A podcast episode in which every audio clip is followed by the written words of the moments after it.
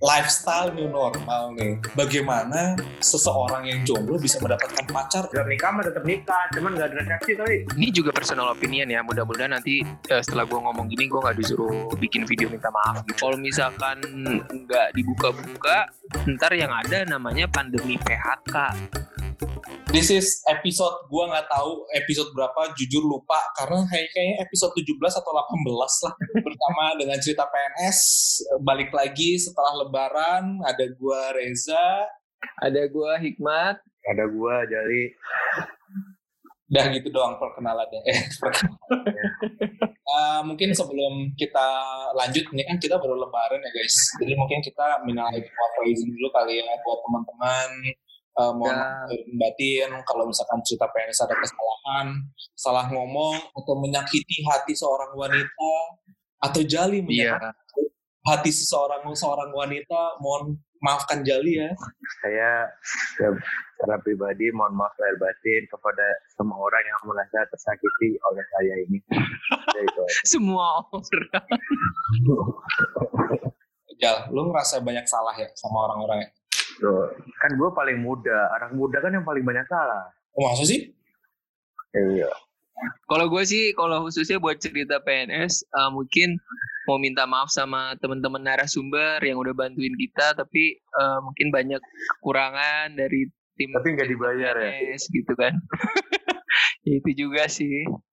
Ya kita kan diskusi-diskusi. Kalau gue sih jujur mau minta maaf sama atasan-atasan kita yang tiba-tiba kita kata-katain atau misalkan tiba-tiba kita banget ya Pak Bu. Aduh maaf banget gitu. Maaf ya diomongin.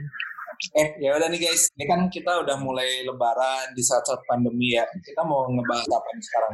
Kita kita bahas new normal gimana yuk? Eh. New normal new normal iya new normal kan udah mulai masuk nih walaupun PSBB Jakarta dilanjut lagi tapi kita masuk nih sekarang. Gua enggak. Yang masuk itu cuma gua malu. Mas Reza nggak masuk dia masih di Bali. tapi oh masuk om. Tapi jangan-jangan sebenarnya ini ya ini kan sama new normal nih. Gua new normalnya gua ya gua di Bali kali jangan-jangan. Oh iya bisa jadi. Iya benar juga jadi, ya.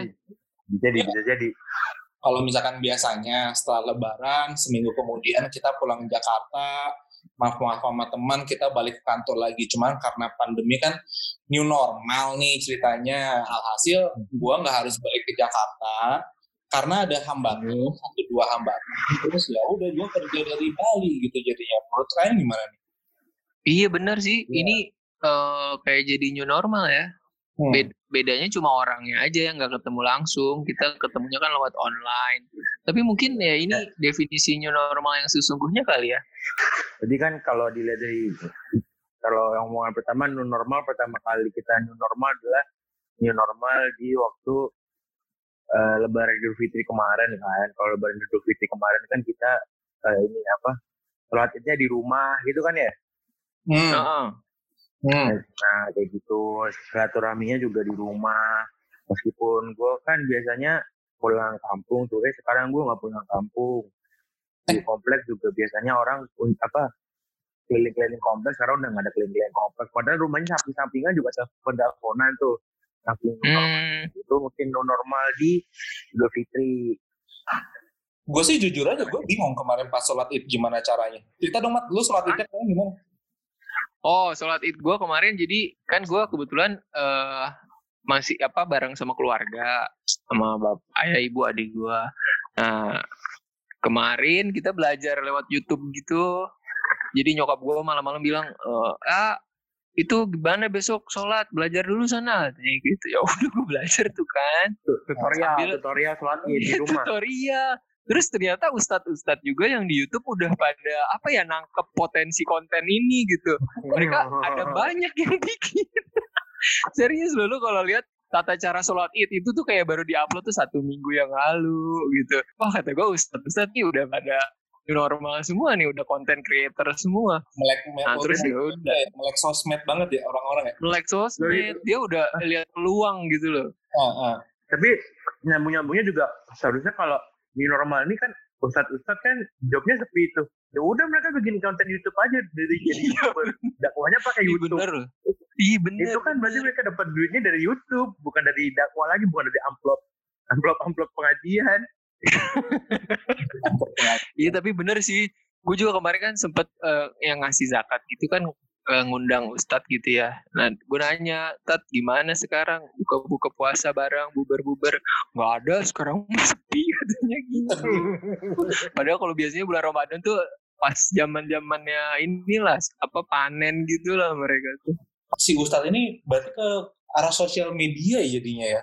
Ya, sosmed. bagus-bagus lagi. Pada bikin YouTube, pada bikin podcast, gitu-gitu.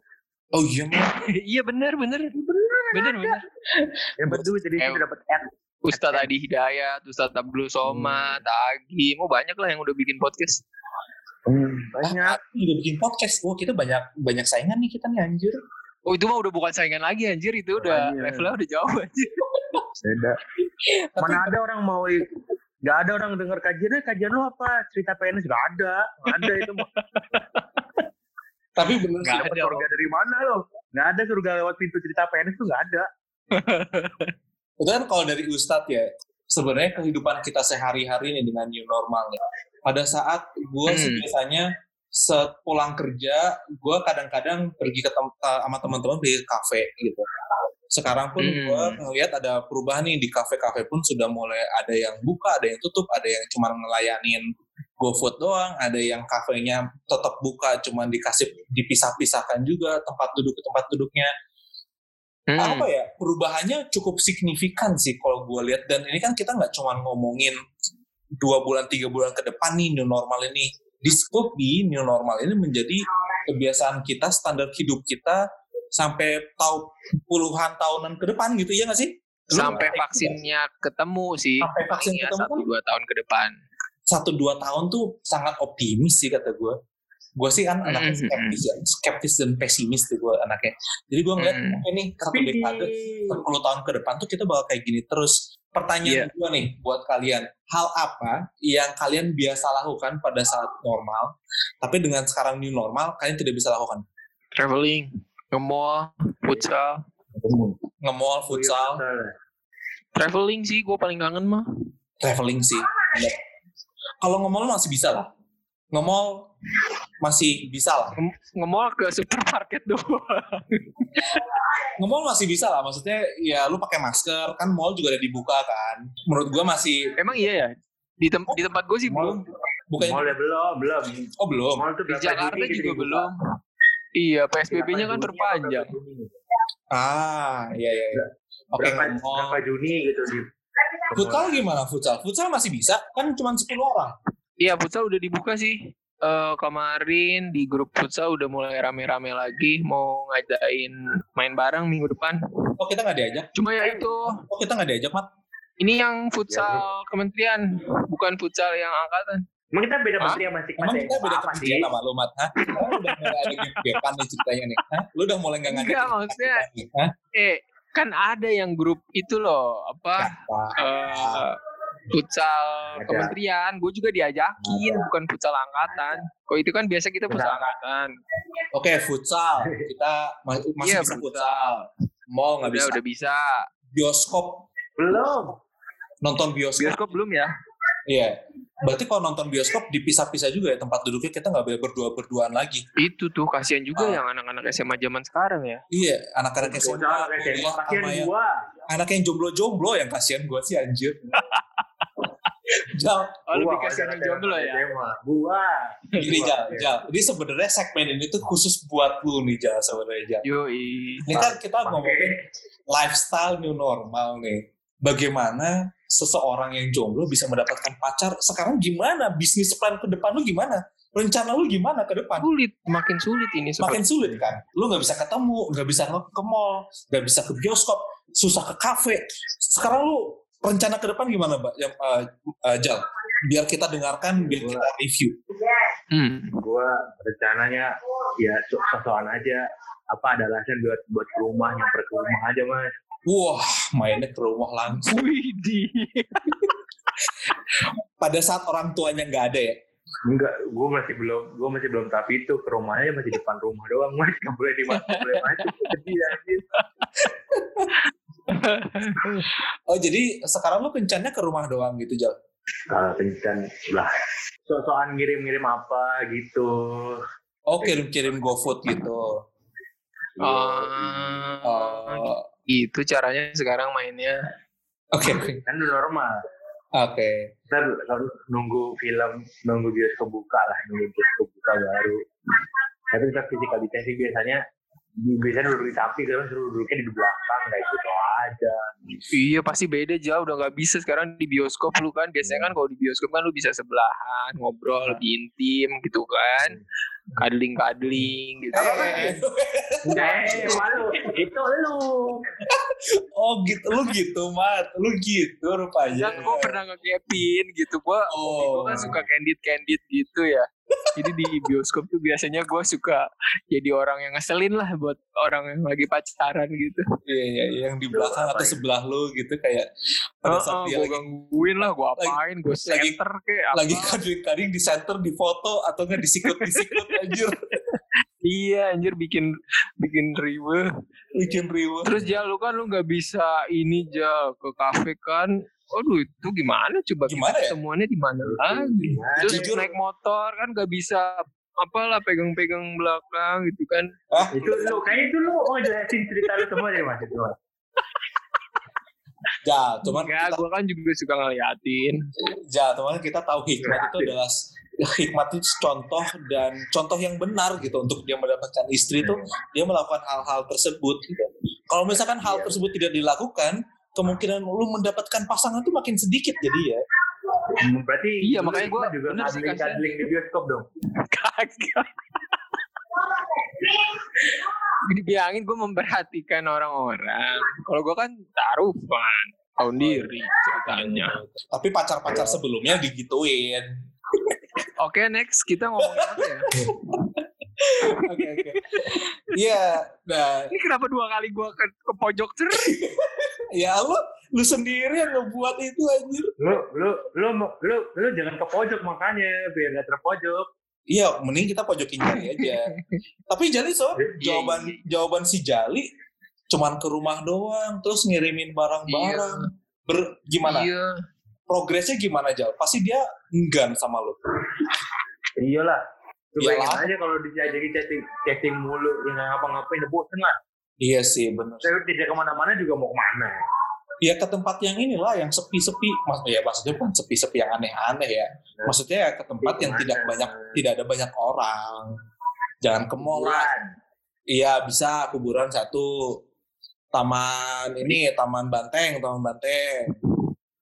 Iya.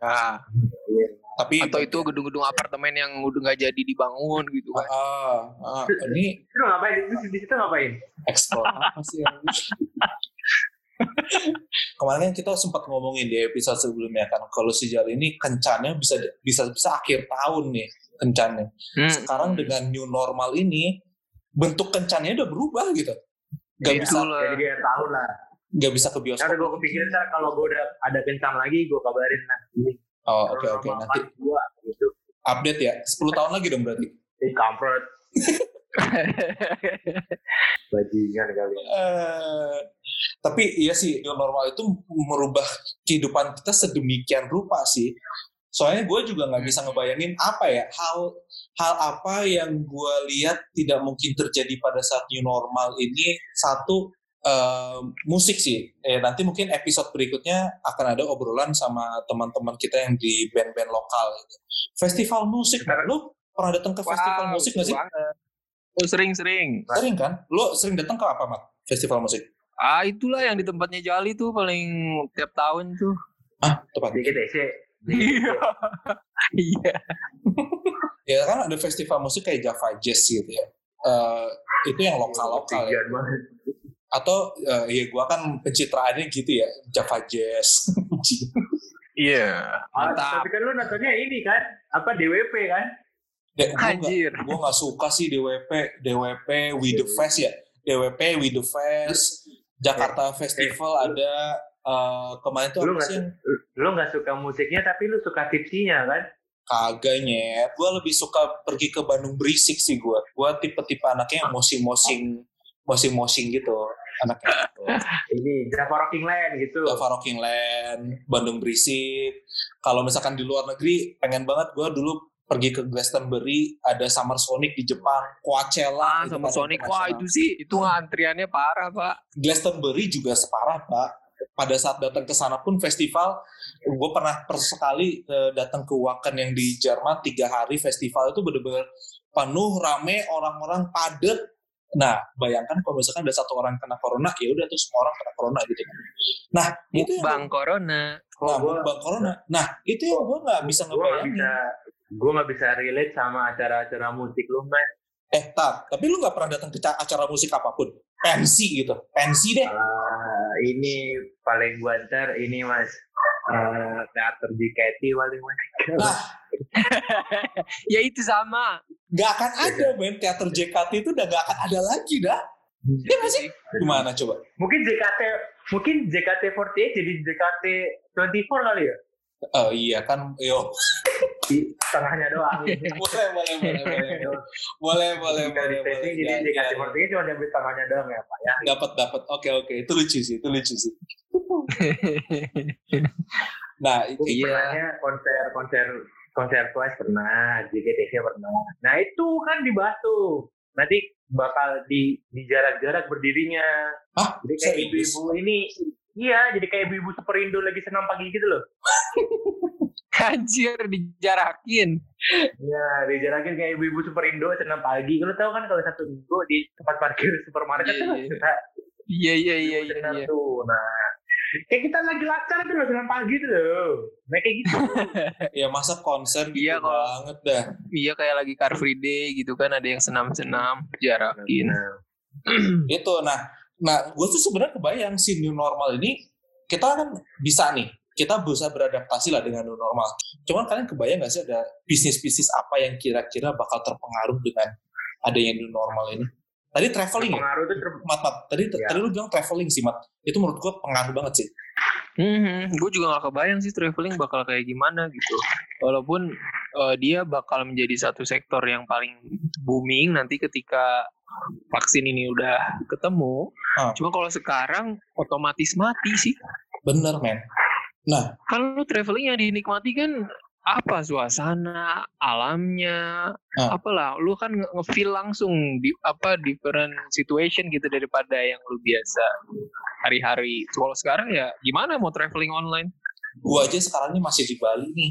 Gue bingung ke Jakarta karena untuk gue naik pesawat harus ikut ada rapid test lah. Terus belum belum dengan gue parnoan pada saat gue pergi ke bandara pergi ke terminal bertemu sama orang-orang gitu yang bisa kejadian gue bisa terjangkit corona gitu dengan dari mereka gitu ya. Traveling gimana ya? Sedangkan episode sebelumnya lu sempat bilang pariwisata kan menjadi nomor satu sampai tahun 2024 gimana coba? Itu gimana lu harus coba? ketemu vaksinnya dulu baru bisa tuh booming. Kalau sekarang sih kasusnya ya pariwisata misalkan lu harus social distancing lu pakai masker ya kayak ya nggak full juga sih. Cuma Hmm. bisa sih mungkin cuma ya nggak se kenikmatannya nggak seperti sebelumnya. Selfie selfie gitu ya selfie di pantai backgroundnya bagus apa bagus cuman lu pakai masker jadi nggak kelihatan tuh lu apa bukan gitu kan. Eh, traveling. Oh satu lagi sih.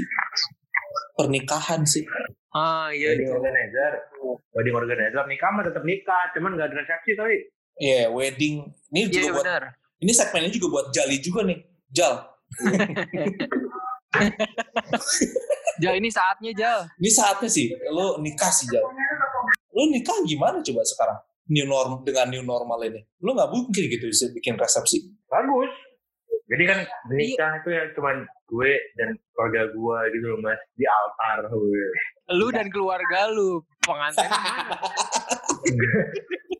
dan keluarga pengantinnya gitu loh Oh iya iya iya iya. Eh, yang kreatif kreatif itu ada kan? Kemarin gue sempat ngeliat berita ada yang baru nikah bulan Februari kemarin sih baru udah udah udah lewat banget. Eh, ini eh, nikahan drive thru. Lu pernah dengar? Ada tuh berita Enggak, enggak, enggak. Jadi dia eh, di rumah tetap nggak eh atau di rumah atau di gedung ya dia tetap nyawa gedung. Terus karena udah di DP semua kan udah di DP semua nih makanan catering dan lain-lain. Jadi DP di gedung. Aha. terus dia si pengantinnya nunggu di lobby. Di lobby mobil lewat Bukan- ngasih bukan- selam. bukan mobilnya masuk gedung. mobilnya bukan. Masuk gedung. bukan.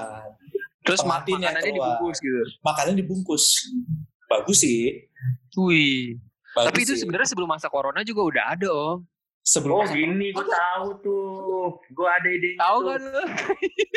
Jadi jadi gini nih. Jadi lo masuk nih masuk.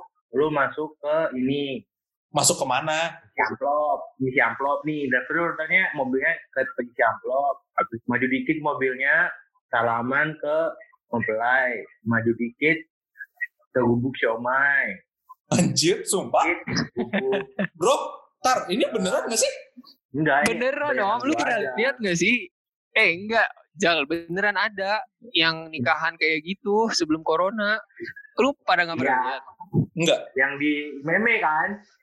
Yang itu loh, yang dia tuh nikahannya yang di gang-gang sempit gitu loh, yang dia tuh pakai Ya. tenda tapi jalan raya yang dipakai. Pernah nggak lihat? Pernah lihat nggak sih om? Pernah. ah Pernah, tapi pernah. enggak drive thru juga lah bro Drive nah, True, makanya bro. serius Kalau serius kalau drive itu tadi gitu habis habis habis salaman maju dikit gubuk siomay maju Ah. dikit gubuk Iya bener. kambing guling maju dikit prasmanan lu udah pulang habis itu wah Jal lu kayaknya punya bisnis Iya, kedua nih bentar lagi nih. Lu bentar lagi jadi wedding organizer nih.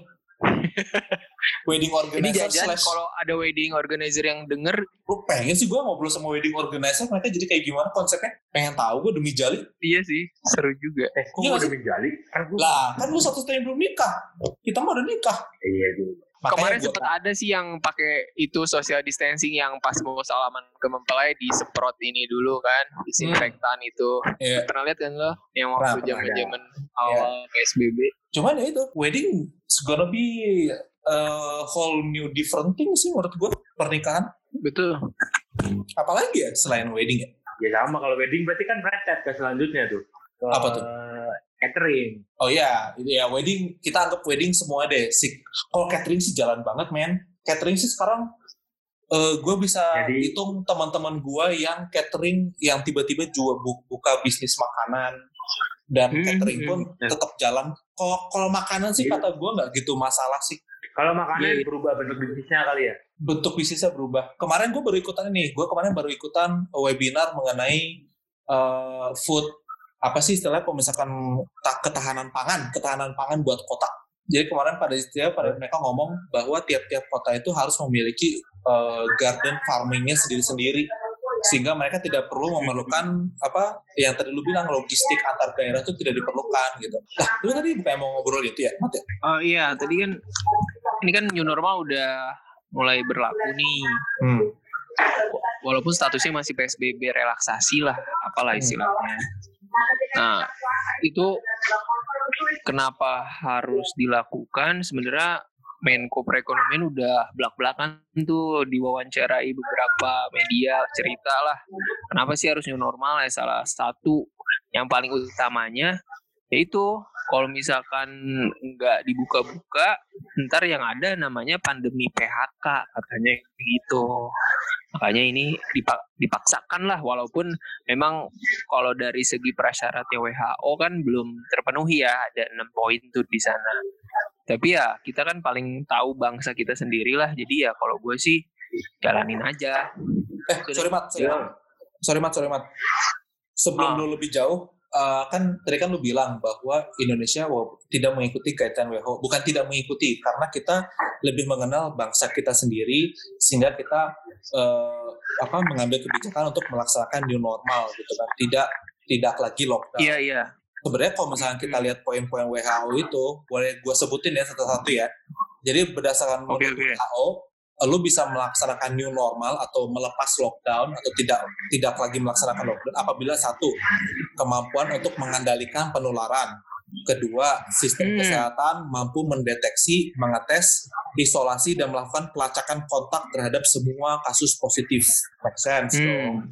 Nomor tiga, meminimalisasi resiko wabah khususnya di fasilitas kesehatan dan panti jompo Sekolah empat, sekolah, kantor dan lokasi penting lainnya bisa dan telah menerapkan upaya pencegahan.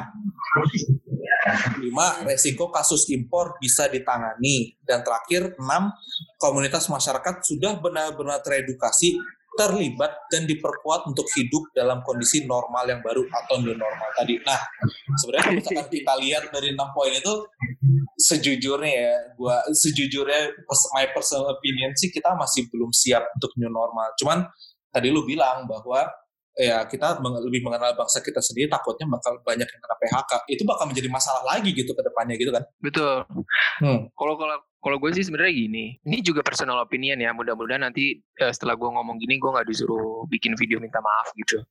Uh, jadi kalau misalkan kita pakai kebijakan PSBB gitu ya, ini kita kenal lah kalau bangsa kita ini kadang-kadang suka rebel gitu. Kalau misalkan gakumnya nggak ketat, ya nggak diikutin juga. Ya lu yang pernah share kajian dari narasi bareng Lota Data itu kelihatan banget kan. Malah orang setelah kajian PSBB orang malah pada jalan, pada hmm. apa pindah-pindah tempat kan. Yeah, yeah, yeah. Nah makanya daripada kita udah ng ngelakuin kajian PSBB ekonomi turun, padahal orang juga nggak pada nurut juga, mendingan ya udah sekalian aja kita terapin SOP protokol, pakai masker, cuci tangan, segala macam tapi ekonomi jalan.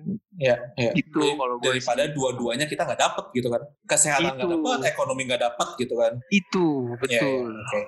Jadi kita ambil garis tengah nih. Nah tadi lu mau tadi mau lebih ngejelasin apa mat? Ini sebenarnya gue mau kasih info aja sih. Kita kan lagi nyusun nih yang namanya uh, protokol new normal. Ini sebenarnya kebijakannya lebih ke arahan sih kayaknya. Tapi belum putus juga. Nah, lu tau gak sih kalau misalkan di Indonesia itu masih banyak zona hijau atau zona yang gak ada virus COVID-nya.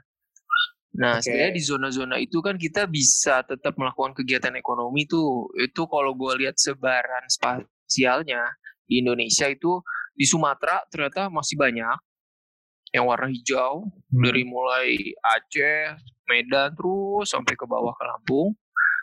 Kalau di Jawa sendiri sebenarnya udah hampir semuanya kena kecuali ada dua kabupaten kota itu yaitu Lebak sama Tegal.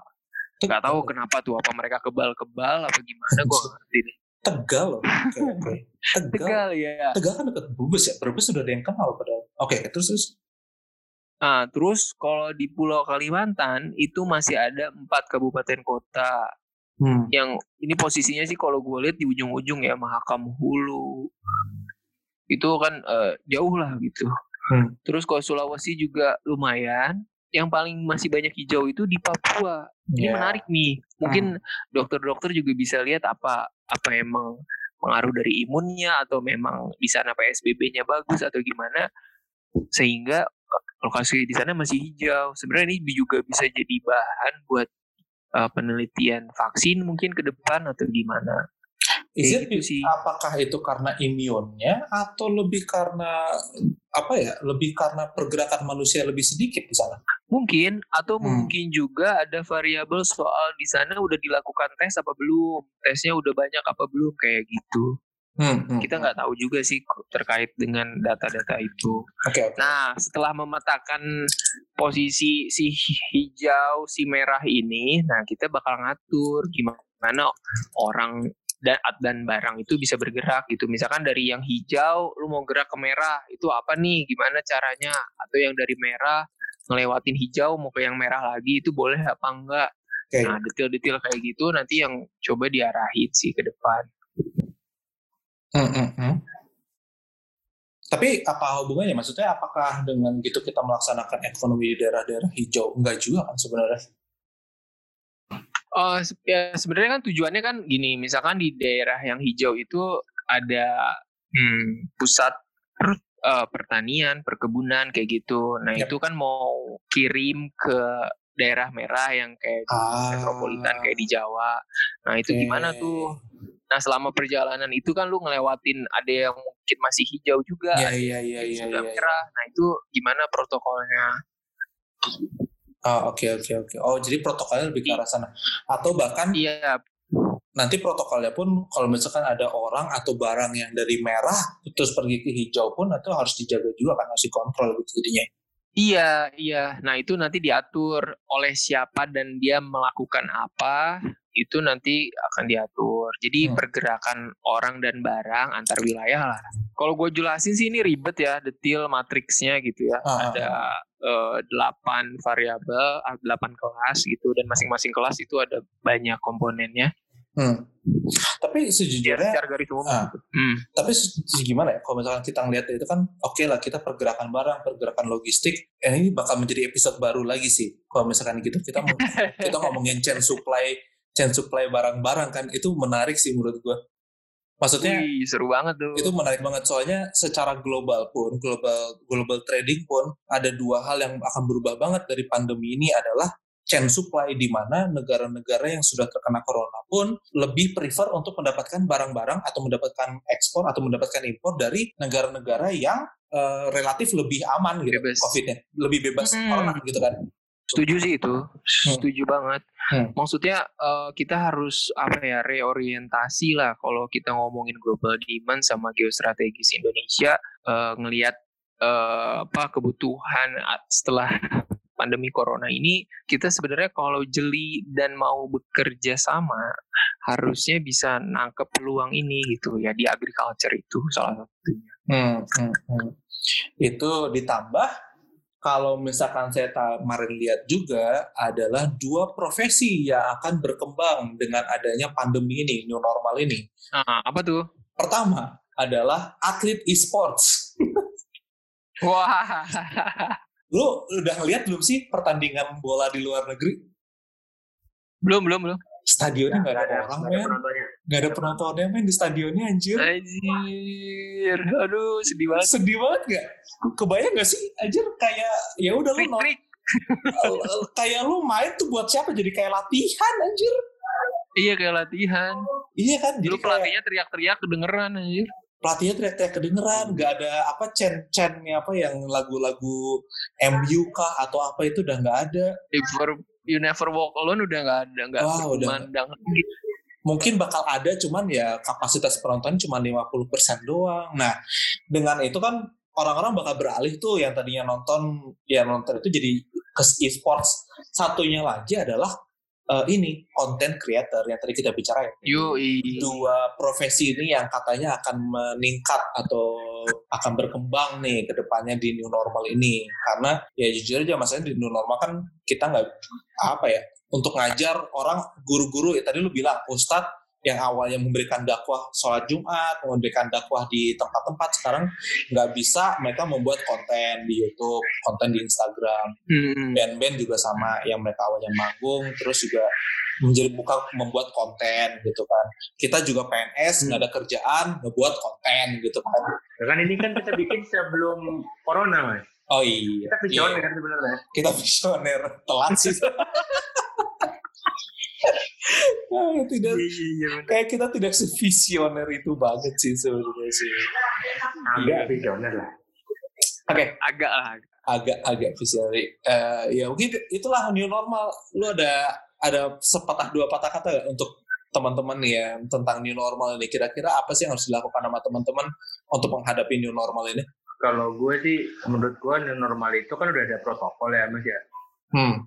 ya udah diikutin aja protokolnya biar nanti kita bisa kembali ke old, old normal lagi gitu ke normal yang dulu ya gitu. Ini kan normal itu kan sebagai sebelum kita ke normal beneran nih kita normal dulu sampai benar-benar pandeminya selesai kayak gitu. Kalau lu mat apa mat? Iya setuju gue ikuti protokol yang udah dibikin. Terus yang kedua sih uh, kita ya namanya manusia harus bisa adaptasi kan. Jadi hmm secepatnya lu beradaptasi dengan kondisi new normal ini supaya lu nggak ketinggalan gitu. Jadi lu hmm. bisa tetap uh, jadi orang-orang yang sukses gitu. Wah setuju sih.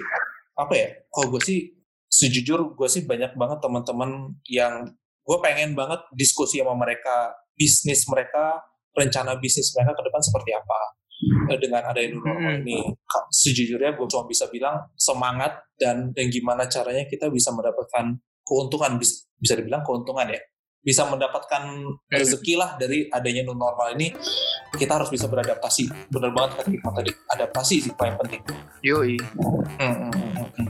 Oke. Oke, kita selesaikan episode ini ya guys. Uh, terima kasih buat yang ngedengerin. Uh, nantikan episode-episode kita berikutnya akan akan lebih banyak lagi dengan konsep yang lebih menarik. Terima kasih udah ngedengerin. Dadah. Atur nuhun semuanya.